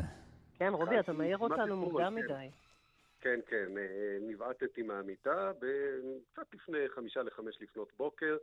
האמת שזה יכול היה להיות יותר גרוע, אם זה היה באחת לפנות בוקר זה היה מתסכל אותי הרבה יותר, אז זה- המקום להודות למי שלחץ על הכפתור של אנחנו השידור שם. נשלח ב- לו בשמך. כן, זה המקום באמת להודות מעל גלי האתר, ויצאנו מזה, אתם יודעים מה, עם הרבה מאוד אה, סימני קריאה, אבל אה, עם אה, הנחת רווחה גדולה מאוד, זה יכול היה להיות הרבה הרבה יותר גרוע. ובסופו של דבר זה שם שוב על סדר היום, אה, אפילו אם זה לכמה רגעים, את העניין של פערי המיגון כאן בצפון. שזה מדהים. אתה יודע, אני שומע את הראשי רשויות מדברים על זה שהם חשים שזה הכל לא מקודם בגלל ענייני קרדיט, שלא רוצים שליברמן יהיה חתום על זה. דברים שאתה לא אומר, יודע. מה, מה, מה בכלל, ה- ב- בעניינים מהסוג הזה, איפה השיקולים האלה בכלל נכנסים? אני אספר לכם סיפור קצר שהבאתי הערב אה, בתוכניות השונות שלנו. בחורה נהדרת שאני מכיר הרבה מאוד שנים, בשם אה, מורן מקיבוץ דפנה, אימא לשני ילדים קטנים, וקצת לפני חמש בבוקר התעוררה בבעתה עם אה, בת זוגתה, בפחד אימים מהאזעקות האלה, וידי פיצוצים שנשמעו רגע לאחר מכן, והם גרים, גרים, גרות, אה, בבית חדש, אבל אין להם ממ"ד. לא היה להם לאן לברוח, הם נכנסו שם להתקף של פחד וחרדה, כי הם סיימו לשפץ את הבית, והם ביקשו סיוע בשביל ל- לבנות ממ"ד, והם פשוט לא קיבלו אותו, וזה אומר עלות של אה, לפחות 200 אלף שקל, והן לא יכולות לעמוד בזה. ויש כל כך הרבה אנשים כאלה בצפון, שזה פשוט מחדל איום ונורא. ויש החלטת ממשלה, נזכיר, זה היה אמור כבר אה, די, לצאת החלטות הפועל. ממשלה, אתה יודע, זה בסדר. חלף עם הרוח, כן? אז זאת המציאות, ושלא לדבר על ילדים שנמצאים במוסדות חינוך לא ממוגנים, בתי ספר, בתי חולים. הבעיה כאן היא גדולה מאוד, והיום קיבלנו עוד איזה ויץ קטן כזה של תזכורת. אה, לצערנו זה קורה אחת לכמה שבועות, חודשים, ולמזלנו הגדול זה בדרך כלל מסתיים כמו שזה הסתיים היום, אבל זה שוב באמת איזושהי נורה אדומה שאמורה להבהב מעל הראשים של כולם, וגם ראשי רשויות וגם אנשים בכלל דיברו איתי על העניין הזה היום, והם ביקשו שנמנף את זה בכל הכוח בשביל באמת לתת מקום ואולי איזשהו עידוד למי שיושבים שם למעלה, למרות שבקצב התחלופה של השרים ושל הממשלות, אז באמת מצבנו לא טוב ואין לנו עם מי לדבר, ואני חייב לומר מילה אחת בזכותו של אה, שר הביטחון לשעבר לשעבר, אביגדור ליברמן, שבאמת הוא ניסה לקדם תוכנית מאוד מאוד נרחבת, מגן הצפון, תוכנית שאמורה הייתה לעבור כבר ולהתחיל להיות מיושמת בשטח, שדיברה על אה, הרבה מאוד בטון שאמור היה להישפך כאן לצורכי מיגון. בינתיים אנחנו רואים את המספרים רק על הניירות, וזה עדיין לא מומש ולא יצא לידי ביצוע. תגיד, אתה חושב שיכול להיות... תקציב, איפה, מאיפה הם יביאו? אין ממשלה, אין תקציב, אין שום דבר, זה לא ייאמן. נכון, נכון, אבל... פשוט לא ייאמן. רובי, אתה זוכר שבסבב הקודם, זאת אומרת, כשגם ראשי הרשויות הדרוזים אמרו, אין לנו אפילו מיגוניות. תביאו מיגוניות, אז אנחנו ראינו את המובילים עם המיגוניות, אה, אחרי שעשו עוד ישיבה אצל ראש מועצה בגליל, ואצל עוד איזה ראש מועצה, ושרים באו ושרים הלכו, ראינו פתאום את המובילים עם המיגוניות. זה פשוט אבסורד, זה לא להאמין. שגם הם היו תרומה של אה, קק"ל, זה לא משהו נכון, שהמדינה באה נכון, ונתנה. נכון. קק"ל תרמה בזמנו אחרי מבצע בית הקלפים, העימות אה, מול האיראנים, או רגע לפני, תרמה 50 מיגוניות, אם אני לא טועה, לרמת הגולן, אבל אין נכון. ספק שזה לא נותן מענה, ויש פה עוד הרבה מאוד עבודה. איפה זה תקוע? אי שם, בין קרבות אגו לתקציב שלא עובר. הכסף הזה כבר אמור היה להגיע לפני uh, כחצי שנה, ולהתחיל להפעיל פה את כל המנגנונים ואת העובדים, אבל זה רחוק, רחוק מאוד. וגם צריך לקחת בחשבון אפשרות, אה, אני לא יודע עד כמה היא סבירה, אבל שמישהו ינסה גם לשנות את המשוואה ולהכניס אה, טפטופים אה, אצלנו בצפון, כפי שקורה בעזה, כדרך קבע, כשגרה. נכון, זה אחד הדברים שבאמת אמרתי בכתבה הזאת ושדיברנו עליו לא מעט ביום הזה. לא ברור מה הוביל למהלך הזה היום, לתגובה האיראנית-שיעית הזאת, על מה בעצם הם ביקשו להגיב, יש פה הרבה מאוד דברים נסתרים, אבל אין ספק, הם כבר מזמן אמרו, הם הודיעו שהם לא יעברו יותר בשקט על תקיפות שמיוחסות לישראל בסוריה, וכן, תושבים שאני מדבר איתם פה, הם מנהלים היום שגרה מלאה, אבל זה יושב איפשהו מאחורה בראש, שיכול להיות שבאמת עכשיו נכנסנו לאיזשהו Game Changer כזה, משהו שמשנה את הכללים, שמעכשיו, על כל מה שמיוחס לישראל, אז אנחנו כאן נהיה נתונים לאזעקות, מתקפות, שיגורים ו... וחגיגה שלמה. שמישהו ייקח לתשומת ליבו, אנחנו מקווים, לפחות את עניין המיגון, מה שבשליטתנו, מה שלא בשליטתנו זה כבר uh, דברים אחרים. כן, לצערי, אני, אני מסכים. לא יאמן, זה כל כך מכעיס. זה פשוט מכעיס שהמדינה מתנהלת ככה. חיי אנשים שם, בצפון. מחאה, חברים, שככה חוזרת לה, והיום בעיקר בירושלים, אבל אני מניח שגם תחזור למחוזותינו, זו המחאה של יוצאי הקהילה האתיופית, בעקבות ההחלטה להעמיד לדין בסעיף של גרימת מוות ברשלנות את השוטר שירה בסלמונטקה. אורלי, מה, מה, מה חשבת על ההחלטה הזו? אין לי אוויר בריאות כשאני לוקחת נשימה מההחלטה הזאת. אני חייבת לומר שגם אתמול וגם שלשום שוחחתי גם עם חבר'ה מהקהילה האתיופית וגם עם לובשי המדים, קציני משטרה ושוטרים. קודם כל, שמעתי כבר אתמול או שלשום שאמרו, אין מדיניות הכלה. אם המחאה תצא לרחוב ונראה את התמונות ונחזור לתמונות שראינו, להערכתי, אם תהיה מחאה, היא תהיה הרבה יותר חמורה, הרבה יותר חריפה, מעבר למה שראינו. ברמה של פגיעה בסמלי שלטון. זה יכול להגיע למקומות מאוד מאוד מאוד קשים ורעים, וכשאני שומעת מהצד השני שאומרים שלא תהיה מדיניות של הכלה, מה שראינו בתחילה לא יהיה. להערכתי, אני חושבת שאם זו ההחלטה, ובכפוף לשימוע, שכחת לומר, נכון. בכפוף לשימוע, אם אכן יהיה כתב אישום, ולהערכתי יהיה כאן כתב אישום, זה יהיה לפתחו של בית המשפט. בית המשפט יצטרך להכריע ולפסוק את גזר הדין, את פסק הדין, את מה שהוא יחליט. חייב להגיד לכם. קודם כל החלטה, בעיניי לפחות החלטה, אני חושב שיש בה עם שום שכל. כלומר, החלטה חכמה שבסך הכל במכלול הנסיבות אה, כן אה, שמה את האצבע על, על הנקודה הנכונה. מבחינת המחאה, ברגע שבכל ההפגנות הקריאה הייתה שוטר רוצח, וברור שרצח כ- כסעיף בכתב אישום לא היה כאן ב- בסל נכון. האפשרויות, אז היה ברור שהאכזבה היא בילט אין כמעט בכל החלטה שלא תהיה. אני, מה שמנצנץ לי מעל הראש זה שאלה אחרת לגמרי. היה כאן אירוע קשה מאוד, מכונן, משהו שגם שיתק את המדינה לכמה ימים, ובעקבות זה היו אמורים להפיק לקחים גופים שונים, גם בתוך הקהילה האתיופית, מובילי ומעצבי דעת הקהל, גם במשטרה, גם במוסדות החינוך. הרי יש כאן משבר אמון מאוד מאוד קשה בין שני הצדדים.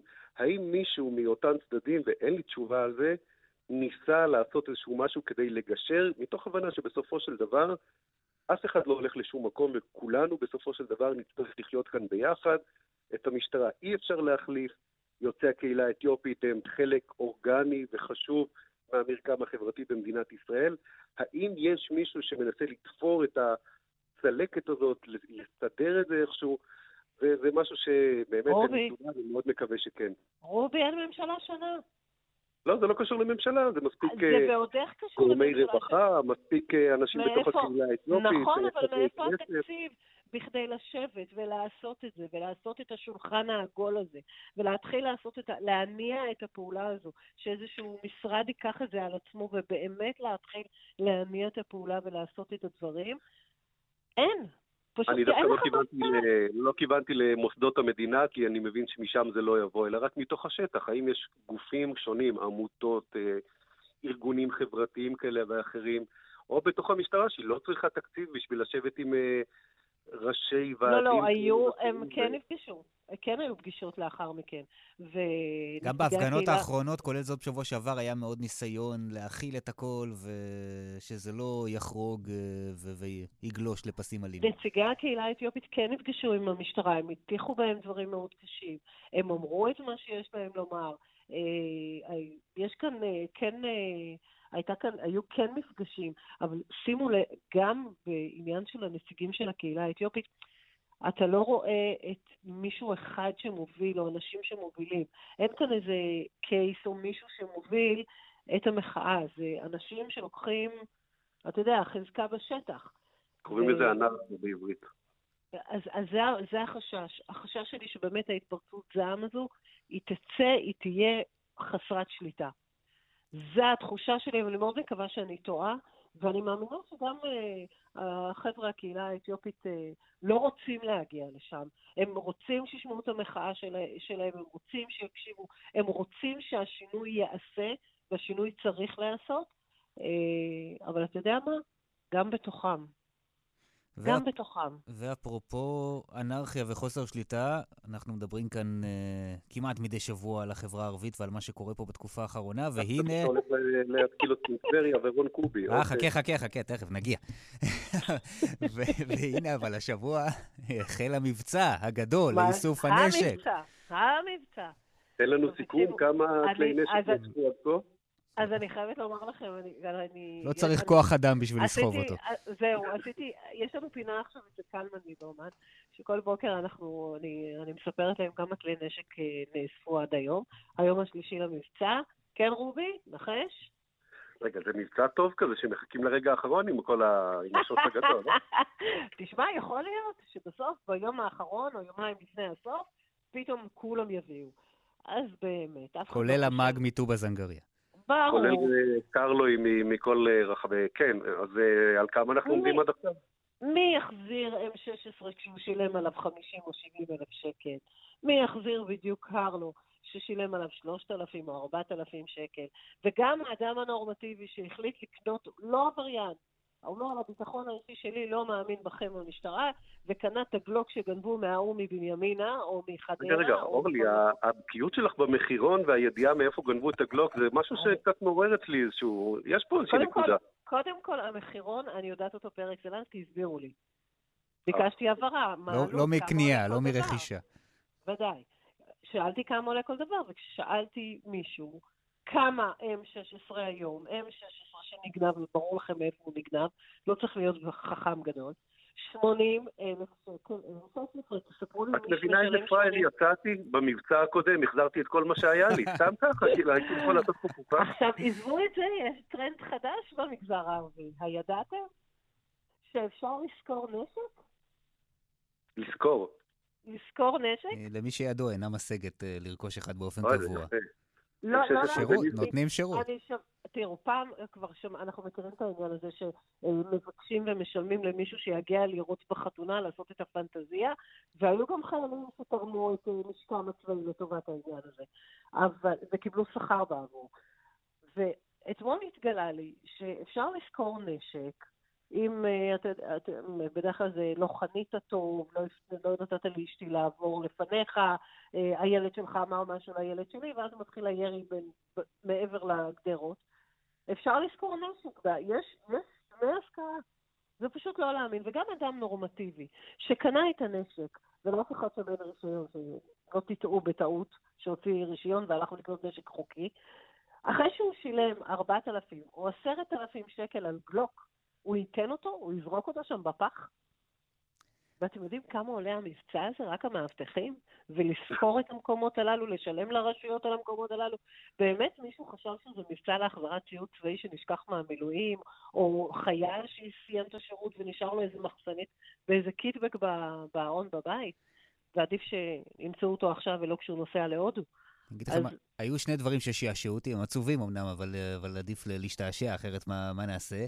קודם כל, באמת אותם עובדים ש, שפוגשים אותם בעמדות והם תפסו את ג'וב חייהם, יושבים, אה, משחקים משחקים, קוראים ספרים, כי הרי אין להם מה לעשות, מסכנים, אף אחד לא הג'וב מגיע. הזה אתה ואני ו- וכל אחד מאיתנו משלם על השכר שלהם. בדיוק. המשרד לביטחון פנים מממן את זה, זאת אומרת, זה מימון של המדינה. והדבר השני, ששואלים את, אה, את, את התושבים ב- ביישובים השונים בחברה הערבית, מה הם חושבים, מה דעתם, הם, הם לא יודעים אם לצחוק או לבכות. הם שואלים, מה, חש... מה אתם חושבים לעצמכם? מה, מה בדיוק... מה קיוויתם שיקרה? טוב, אתם יודעים כמה כלי נשק הוחזרו במבצע הקודם? במגזר הערבי, אני לא מדברת על היהודי. תפתיע אותנו. שלושה. שלושה כמה? אקדחים. שלושה אקדחים, שמתוכם אחד מהם בכרמיאל. אנחנו בדרך לחצות את, ה... לחצות את עזבו, הרף. נו, זה לא... זה איך אמרה לי, אה, נאמר לי פה על ידי איש משטרה, אחד מקציני המשטרה, אולי הם יציעו להם לקנות בחזרה את הנשק, אז הם יחליטו כן, להחזיר. זהו. פיצוי, אנשים שילמו כסף, הם צריכים אה, זיכוי. ברור. לא רק להחזיר, שנייה. גם לזכות כספי. רגע, חן, אנחנו מתייחסים לרובי כ- כמה בכך. אתה מבין שהאיש סלב, אתה מבין שהאיש מצולם? בעיתונות ובכל סליחה, אני צריך מקום. להיערך למשהו. לא יודעת, כולם מדברים על הרב נהרה, הם סגרו, את מי רואים בעיתון? את רובי אבושלם. לא יודעת, ספר לי אתה. הוא חייב כן, שבוע אחד. אני, בוא נאמר כך, יש לי איש יחסי ציבור שעושה עבודה מעולה, אני פרטים בפרטי, כן, אני מוכן לחלק טיפים. ומה שלום רון קובי? או, אה, מאיפה להתחיל? כמה זמן יש לנו? מהסוף. רון קובי, כזכור, בשנה שעברה, ערב הבחירות, בספטמבר אשתקד, אה, עלתה לכותרות אה, נערה טבריאנית שסיפרה שהיא צעדה ברחוב ובאו מולה כמה גברים חרדים והתקיפו אותה, היכו אותה וקרעו את הבגדים שלה, כיוון שלפי מה שהיא סיפרה, היא התהלכה בלבוש לא צנוע. והאמת שכבר אז עלו הרבה מאוד סימני שאלה, המשטרה חקרה, לא הצליחה להגיע לאף אחד.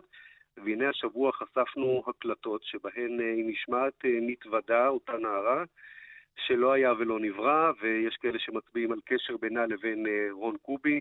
אביה, הוא לא מסתיר את זה, הוא אה, מאנשיו של רון קובי, תומך שלו, סייע לו להיבחר בבחירות, וגם אחרי שידור הכתבה, השידור פייסבוק לייב שראש העיר אה, עשה, אז מי שישב לצידו זה היה אביה של אותה נערה, והם ניסו להכחיש את כל הטענות שעלו שם ולטעון שההודעה הזאת אה, נגבתה ממנה תחת לחץ של אה, עבריינים.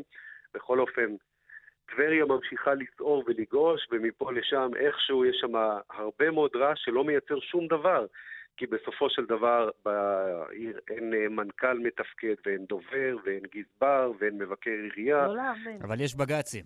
ויש בג"צים, אנחנו בג"צים, נדחים משבוע. לשבוע אה, לא, לאחר שהבג"ץ. נדחה ולא קיבל החלטה, אז אה, ביום ראשון הוא קיים עוד, החל- עוד ישיבה ומועד ההחלטה אולי נדחה לעוד שבועיים, ובכל מקרה, לא משנה איזו החלטה תתקבל, יהיה ערעור לאחר מכן, זאת אומרת שאנחנו עוד אה, נמשיך ונדבר כאן על הפרשיות האלה עוד הרבה מאוד זמן, בזמן שתושבי טבריה, כמעט 50 אלף איש, פשוט לא מקבלים את השירות שהם אמורים לקבל. ומה שמדהים אבל שהיה חשד שזה אה, מפוברק וזה עלה, אה, והמשטרה לא הצליחה להבין האם זה מפוברק או לא, ויש עוד מקרה שגם עלה וסימן שאלה, נושא הצתת כלי הרכב, שגם שם עדיין זה בגדר נכון. סימן שאלה. נכון. כן, יש uh, הרבה מאוד סימני שאלה והרבה מאוד uh, בעיות. ו... ורון קובי אחד. כן, ומשטרה שחוקרת, התיקים לא נסגרים. אוי, טבריה, טבריה, ממש. פריפריה. וקריית אתא עכשיו בכלל בכותרות עם ראש העיר ש... שמורחק, לא יכול להגיע לעירייה לא בינתיים, יושב נכון. בביתו. יושב לא, בביתו. פשוט... כן, אה, טוב, לא משעמם, אז על מה נדבר בשבוע הבא? ממש לא. נשאיר משהו. אה, אני אוספת את כלי הנשק, אני אספר לכם כמה זהו. הפעם- שבוע הבא לבוא עם תוצאות טובות יותר, אנחנו מצפים את זה, יש. לנו ציפיות, אתה מתכוון. תשתדלי. אה, ותקשיבו חברים, אני חייבת, כן. אה, לפני שמסיימים, אה, לספר לכם, והבטחתי לאותה אישה יקרה, אה, דליה מחולון, שכל כך נהנית לשמוע אותנו בכל יום שלישי בערב, שהיא אומרת שאנחנו פשוט מנעימים לה את הזמן. אז תהיו נחמדים ותגידו לה תודה. ערב טוב, אוהבים דליה. אותך, דליה איזה מחולון. כיף. בבקשה. אורלי אלקלעי, רובי אמרשלג, תודה רבה, לילה טוב תודה ושקט. לילה טוב. כאן צפון, כאן רשת ב', חלקה האחרון של תוכניתנו, אנחנו עם ענייני הספורט והתרבות. גיא שמאי, שלום. שלום. מאמן קבוצת כדורעף הנשים של קריית אתא. נכון. ואתם מסתכלים על הליגה מלמעלה. אה, נכון לעכשיו כן, אנחנו שמחים מאוד אה, להתחיל את העונה ברצף של שלושה ניצחונות מתוך שלושה משחקים. אה, הקבוצה מתחברת לאט לאט. אה, אנחנו מקווים להמשיך ולהפתיע גם את עצמנו, אבל בעיקר את עולם הכדורעף. אז ספר קצת על הקבוצה, למי שלא מכיר, ממתי היא קיימת. אוקיי, אז קבוצת הנשים של קריית אתא, אני לא זוכר בדיוק מתי היא הוקמה, אבל היא הקבוצה המעוטרת בישראל. כלומר, מספר הזכיות בתארים הגבוה ביותר בליגה. אה, השנה אנחנו, אה, אני הגעתי ממועדון מכבי חיפה, שם אה, זכינו באליפות, במטרה באמת להחזיר את הכדורעף בקריית אתא כענף מוביל בקריה. כי הייתה, הייתה איזה דעיכה, נכון? דיברת על נכון. חיפה, חיפה זוהרת בשנים האחרונות, ובקריית אתא זה נכון. קצת פחות עבד. נכון, נכון, בדיוק ככה. בשנים האחרונות קריית אתא לא הצליחו. אה, השנה בתקציב אה, יחסית נמוך אנחנו מצליחים אה, גם, גם התוצאות מוצלחות בינתיים, אבל בעיקר כל עניין התשתיות בעיר, כל עניין הילדים המשחקים בעיר תופס תאוצה. אני, ביחד עם עוד שני אנשים יקרים שהכדורעף ככה בקריית אתא מאוד חשוב להם, אדווזינו בר שוהם וישראל רחום, אה, לקחנו על עצמנו בעצם פרויקט של אה, אה, תשתיות בעיר, ולמעשה אני מאוד מאוד שמח שכל הפרויקט הזה רוקם עור וגידים, ואנחנו באמת מגיעים למספר ילדים מאוד יפה. אני חושב שתוך שנתיים, שלוש, יהיה אפשר לחזור ולדבר על תארים בקריית אתא. קודם כל, אני, עם- אני, שמח, יחד עם המון ילדים שמשחקים כדורעף. אני שמח שהזכרת את השמות, כי בשביל להרים כדורעף בעיר כמו קריית אתא חייבים משוגעים לדבר, נכון? אחרת זה לא עובד. נכון. אה, כן, אנחנו, אה, שניים מתוכנו הם ילידי קריית אתא, אה, גם אני וגם ישראל רחום. אדווזינו בר שוהם היא הכדורעפנית המעוטרת ביותר בישראל, ואת מרבית הקריירה שלה בילתה בקריית אתא, וזכתה בלא מעט תארים. אה, ואני חושב ששלושתנו ככה שמנו לעצמנו אה, מטרה, ואני מאוד שמח שבינתיים אנחנו מקבלים את שיתוף הפעולה של אה, יושב ראש יעקב טאוב ושל עוד אנשים יקרים שעוזרים ותומכים, וזה בינתיים כיף. איך. משכנעים ילדים לבוא לכדורעף? כי יש קבוצת כדורגל, אמנם בליגה א' בקריית אתא, אבל כדורגל זה תמיד פופולרי, וקבוצת כדורסל בליגה הלאומית שתמיד ככה בצמרת ומתמודדת על העלייה. איך משכנעים אותם ללכת דווקא לכדורעף, לענף האולי פחות אה, פופולרי?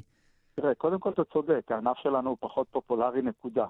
אה, מצד שני, אני חושב שהענף שלנו הוא ענף אה, עם דימוי גוף מאוד מאוד טוב. הענף שלנו הוא ענף מאוד קורדינטיבי, ובסופו של דבר הענף שלנו הוא מאוד כיף ולא מתאים לכל, לצערי, הדרישות בענף לא מתאימות לכל ילד או ילדה, ככה שזה הופך אותנו לייחודיים. אה, אבל uh, אתה, אתה יודע, אתה ציינת את, ה, את קבוצת הכדורגל של העיר ואת קבוצת הכדורסל, ובאמת כבודם במקומם מונח, אבל קריית אתא זו עיר של כדורף נקודה. אה, ואנחנו מקווים לחזור לאותם ימים שהכדורף באמת הוביל בעיר. והמקום הראשון כרגע הוא מפתיע אתכם? יש עד כמה, ככה, נשאל עכשיו יותר שאלה ספורטיבית נטו, מה הסיכויים להישאר בצמרת עד הסוף? תראה, אנחנו רוצים להיות חלק מהצמרת. אה, כמו שהתחלתי ואמרתי, השנה התקציב נמוך, אנחנו כיוונו לעונה פיננסית, אפשר להגיד.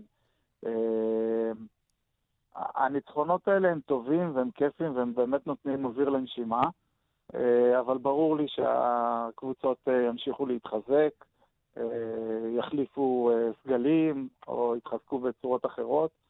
אה, אותי זה פחות מעניין, אני דואג לקבוצה שלי ושתהיה עד כמה, עד כמה שיותר טובה. אה, בינתיים זה עובד. אה, אנחנו נמשיך להיות, אני מקווה שנמשיך להיות חלק מהצמרת הגבוהה ככל, ככל שניתן. ותקציבים, איך מגייסים? העירייה בוודאי נותנת את חלקה, אבל זה לא הרבה, אני מניח? לא, אז דווקא העירייה נותנת את מרבית התקציב. זה עוד, אה, עוד אחד מהיעדים שלנו בעצם אה, להגיע ליותר ספונסרים או יותר אה, אנשים שמוכנים לקחת חלק בדבר. אסור לנו לשכוח, אתה יודע, בהזדמנות זאת, שגם קבוצת הגברים שלנו השנה עלתה לליגת העל, ולכן התקציב הוא נמוך יותר ומתחלק בעצם בין קבוצת הגברים לקבוצת הנשים. אנחנו, ב... למעט כפר סבא, אנחנו היחידים, ביחד עם כפר סבא כמובן, שמחזיקים גם קבוצת גברים וגם קבוצת נשים בליגת העל. אה, מעמסה כלכלית לא פשוטה, אבל מצד שני אנחנו מדברים פה על אה, תקציבים שונים מהכדורגל והכדורסל. בתקציבים יותר שפויים אה, אפשר להיות הישגיים ולהתחרות על תארים. דבר אחד, רואים ו- ומאוד בולט, יצא לי לראות במשחק האחרון, האווירה בקבוצה ועם הקהל זה משהו שלא רואים בכל מקום. אה, טוב, תודה. קודם כל אני מאוד שמח לשמוע. אה, אני יכול להגיד לך שאני כמאמן מאוד מאוד נהנה השנה בקבוצה. אני חושב שהחומר האנושי אה, הוא מדהים. אה, אני יכול באמת להגיד לך שעבדנו מאוד מאוד מאוד קשה, וזה לא רק אני, אה, על בניית הקבוצה. אה, ומעבר ליכולות המקצועיות, שזה קל לקבל מידע, עבדנו מאוד קשה כדי לדעת את האופי, את האופי של כל השחקניות, בעיקר הזרות, אבל גם הישראליות. ואני חושב שההון האנושי בקבוצה הוא מאוד מאוד גדול, וזה מפתח מאוד חשוב מבחינתי. אה, החיבור לקהילה או לקהל, אה, שרק, ש, שימשיך ככה וילך ויתעצם. גיא שמאי, אה, מאמן קבוצת הכדורעף, נשים של קריית אתא, תודה רבה, תמשיכו להצליח ואנחנו נמשיך לעקוב אחריכם. תודה רבה. ביי ביי, לילה טוב. ביי ביי.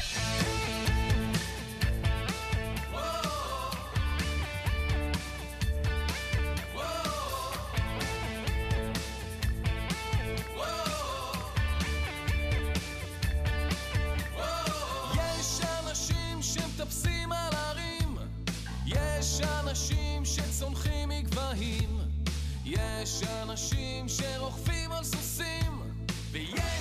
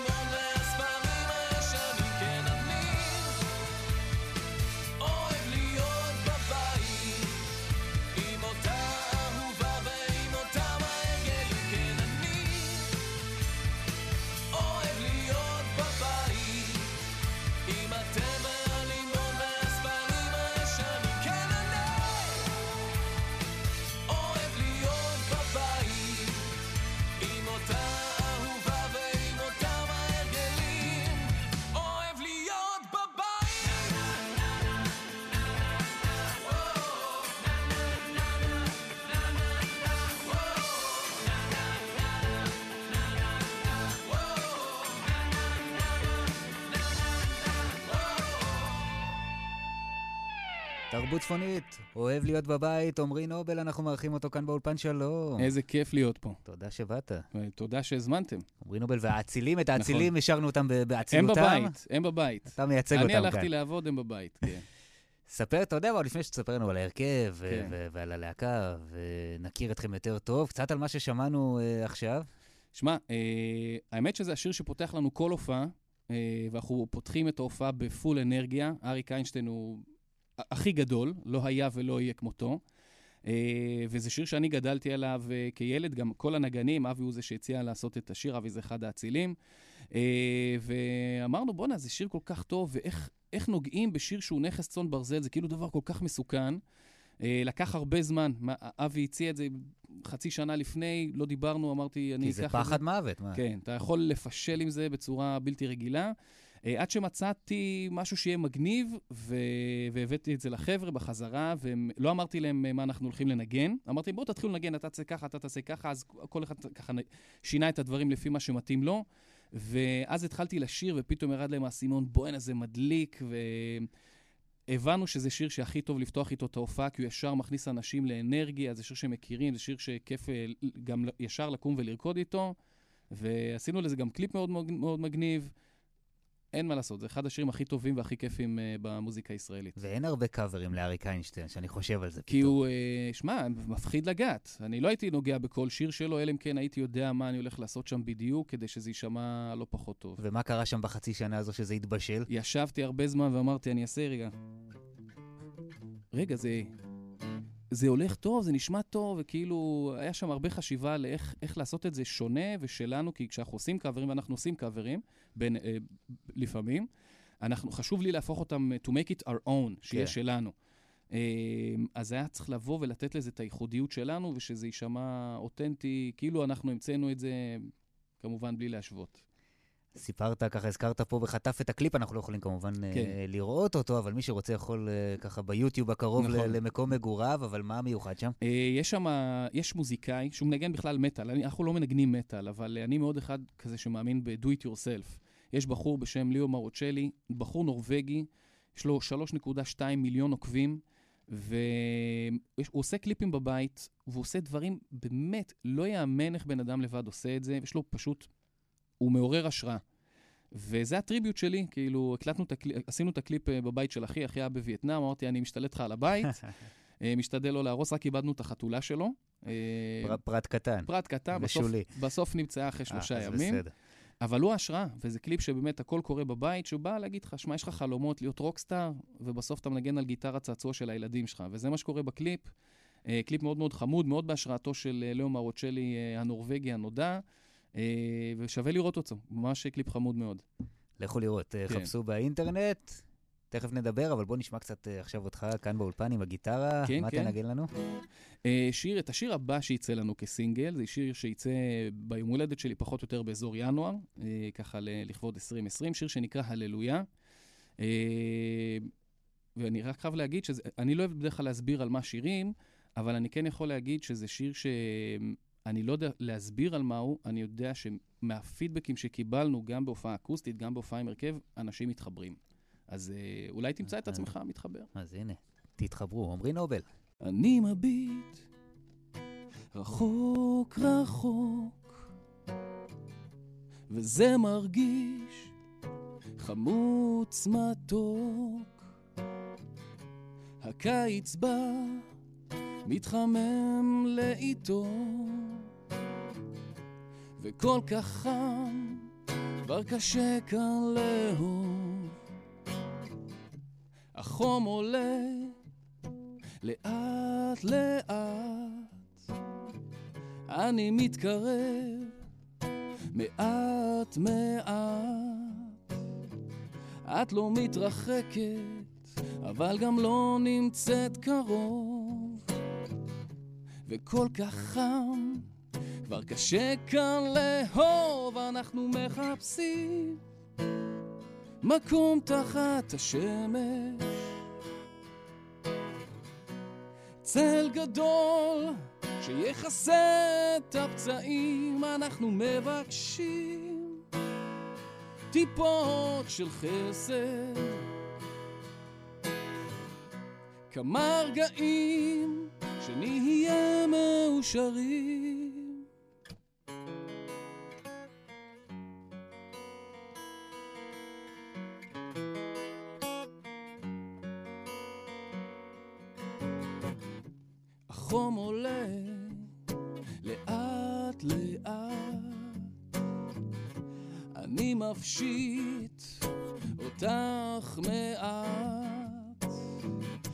לא מתרחקת, אבל גם לא אומרת בוא. וכל כך חם, כבר קשה כאן לאהוב. ידענו כבר כל שתיקה ומשמעותה. מילים ששרנו איבדו כל כוונה. זה לא עובד פה, הוא אף פעם עבר החום הזה. כואב בנפש וצורף באור, אנחנו מחפשים מקום תחת השמש. צל גדול שיכסה את הפצעים, אנחנו מבקשים טיפות של חסד. כמה רגעים שנהיה מאושרים.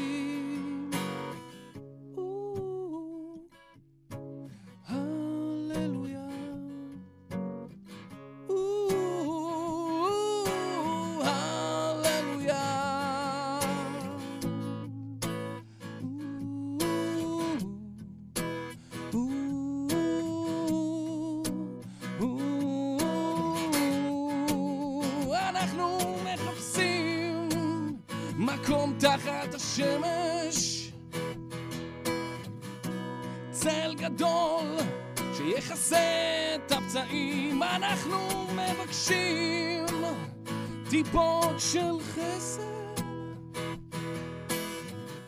כמה רגעים שנהיה מאושרים. עמרי נובל, כאן אצלנו באולפן, וכאן צפון. מקום תחת השמש זה גם שם האלבום זה יהיה, החדש. כן, כן, זה כן. מכאן אנחנו... נכון, אני יש פשוט כמה לעצמי. שירים שאחד נקרא מפה ועד השמש, ופה יש בפזמון מקום תחת השמש. אז- השמש עם מוטיב. עם אה, מוטיב, גם, גם תראה בציור יש לך כזה... נכון. אה, זה מופיע, זה, זה מגולם בפנים. כמה זמן אתם ביחד, אתה והאצילים? החודש, ארבע שנים. מזל טוב. ממש, אה, כן, אחלה חבר'ה. אבי לוי, חבר ילדות, הוא הגיטרה הראשית. יניב שטיינברג, בסיסט על, וגבר שתמיד יודע להצטלם. בכל הופעה, בכל קליפ, הוא תמיד יצא הכי חתיך. אה, ורומן אלקין על התופים, שהוא הלב הפועם שלנו, אתמול קיבל מכה ברגל, אז אנחנו נאחל לו אה, החלמה מהירה. החלמה מהירה לרומן, כן. ואתם, אה, אנחנו בכאן צפון, אז צריך כן. להגיד, חדרה. חדרה, בהחלט, חדרה על המפה, אחלה עיר, אחלה vibe. ו... כולם? כולם. משם?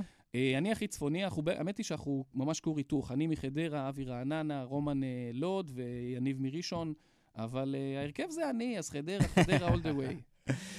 ספר קצת איך התחברתם אה, ומאז אתם רצים אה, ככה תשמע, אני יכול יחדיו. להגיד לך שאנחנו אה, באמת חברים. כי, שמע, אתה מנגן עם אנשים כבר ארבע שנים, אנחנו קבוע כל יום שני מנגנים פעם בשבוע. אתה מכיר את הילדים, אתה מכיר את האנשים. אה, אני יכול להגיד לך שאנחנו קובעים הופעות, אני לא פונה לנגנים, אני פונה לנשים שלהם לאישור. צודק, זה הכי יעיל. הכי יעיל. אה, בקרוב אני גם אפתח איתם קבוצת וואטסאפ במקום לנגנים, כי לנגנים יגידו לי, מה אתה מבקש ממני? תבקש מאשתי, כאילו... תפנה ככה זה עובד." מראש ל- לסמכות. למנכ"ל. אה, אני מבין שגם אתה מעורה בנושאים האלה. לומד, לאט כן. כן. אה, אנחנו באמת חברים טובים, אני חושב שהם מרגישים בינינו את הכימיה ואת האהבה ההדדית. אני לא חושב שמישהו מאיתנו מתנהל עם אגו, שזה מאוד, תהליך מאוד מאוד חשוב. כשאתה מביא שיר, אז כל אחד תורם את הרעיון שלו, את הגישה שלו, את האישיות שלו. גם אם יש איזשהו חזון לשיר, עדיין האישיות של הבן אדם, של הנגן, באה לידי ביטוי, וזה מאוד חשוב בעיניי.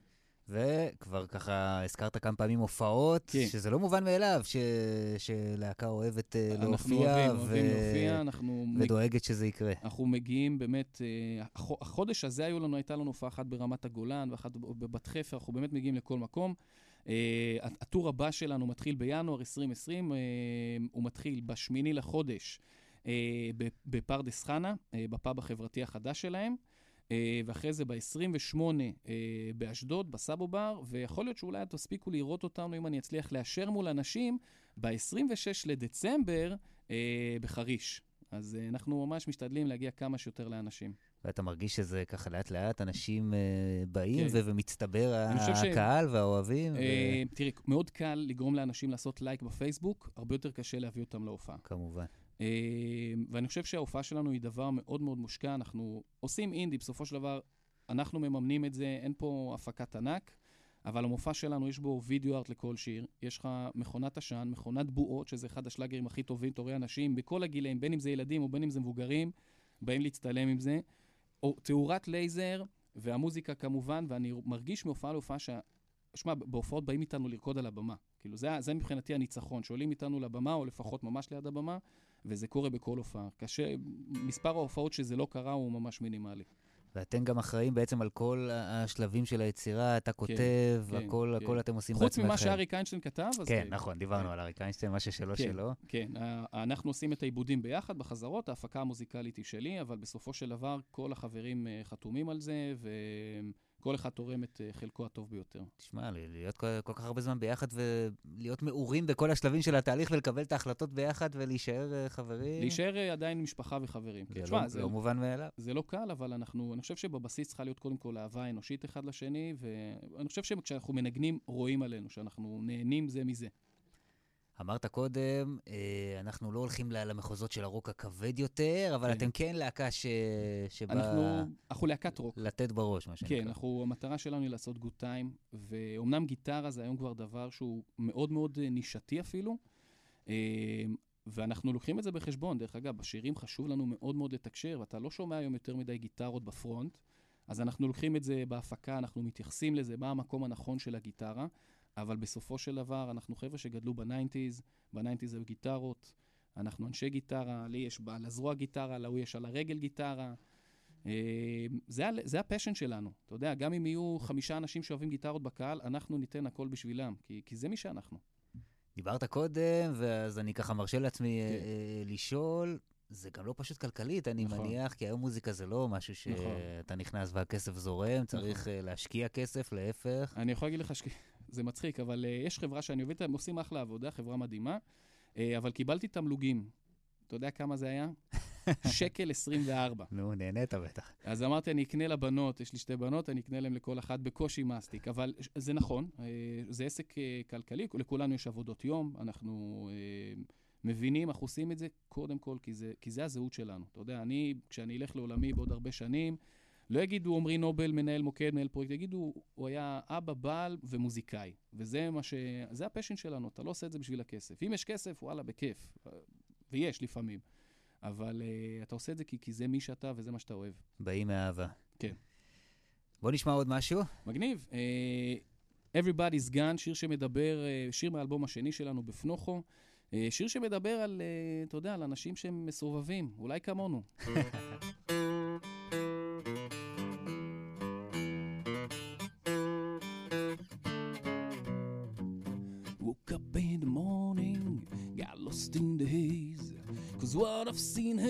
me sick, made me wanna crawl to bed.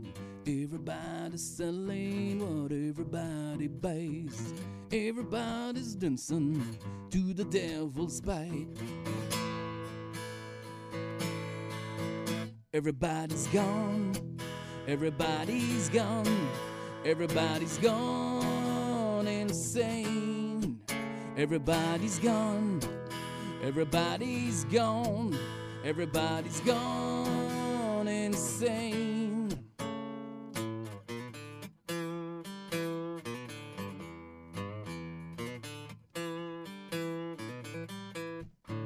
I wish I didn't listen. I wish I didn't knew. I wish I didn't care for that old groovy tune. But everybody dancing, everybody smiles, everybody's drinking, yeah. Some are even high. Everybody's gone, everybody's gone, everybody's gone insane. Everybody's gone, everybody's gone, everybody's gone insane. I wish I didn't wish at all. I wish I didn't devil that you are. But something has got to change. I'm losing it every day. Everybody gone insane.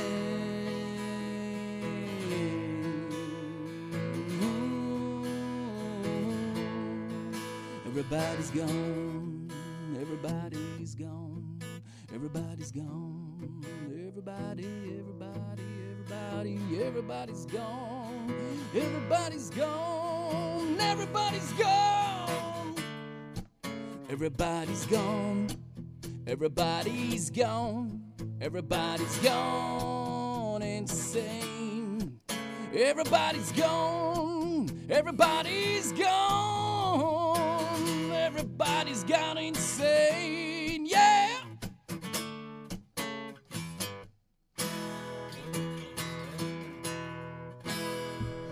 נובל, כאן אצלנו באולפן, תודה רבה רבה שבאת, היה. כיף גדול. נגיד שמי שהצלחנו ככה לעורר את אה, סקרנותו, אתה הצלחת לעורר את סקרנותו. אני מקווה. ורוצה לשמוע עוד, עמרי נובל והאצילים. בבנדקאמפ, יוט- יו- בבנדקאמפ, יוט- יוטיוב, אה, וב-26 בדאק בחריש, שמיני לחודש בפרדס חנה פאב חברתי, וב-28 לינואר אה, בסאבו בר באשדוד. בואו, ותשמעו ותבלו. תודה רבה, תודה. רבה. תודה רבה לכם שהאזנתם, כבר אנחנו חותמים את השעתיים האלה של כאן צפון. נגיד תודה גם לנדב רוזנצוויג בהפקה, לז'אנה יגל על הביצוע הטכני. אני חן ביאר, יעקב אייכלר עם כאן הלילה. מיד אחרינו המשך האזנה טובה, שלום שלום. ויש כאלה שגומעים מרחקים, אבל אני אוהב להיות עם התה והלימון והספרים הישנים,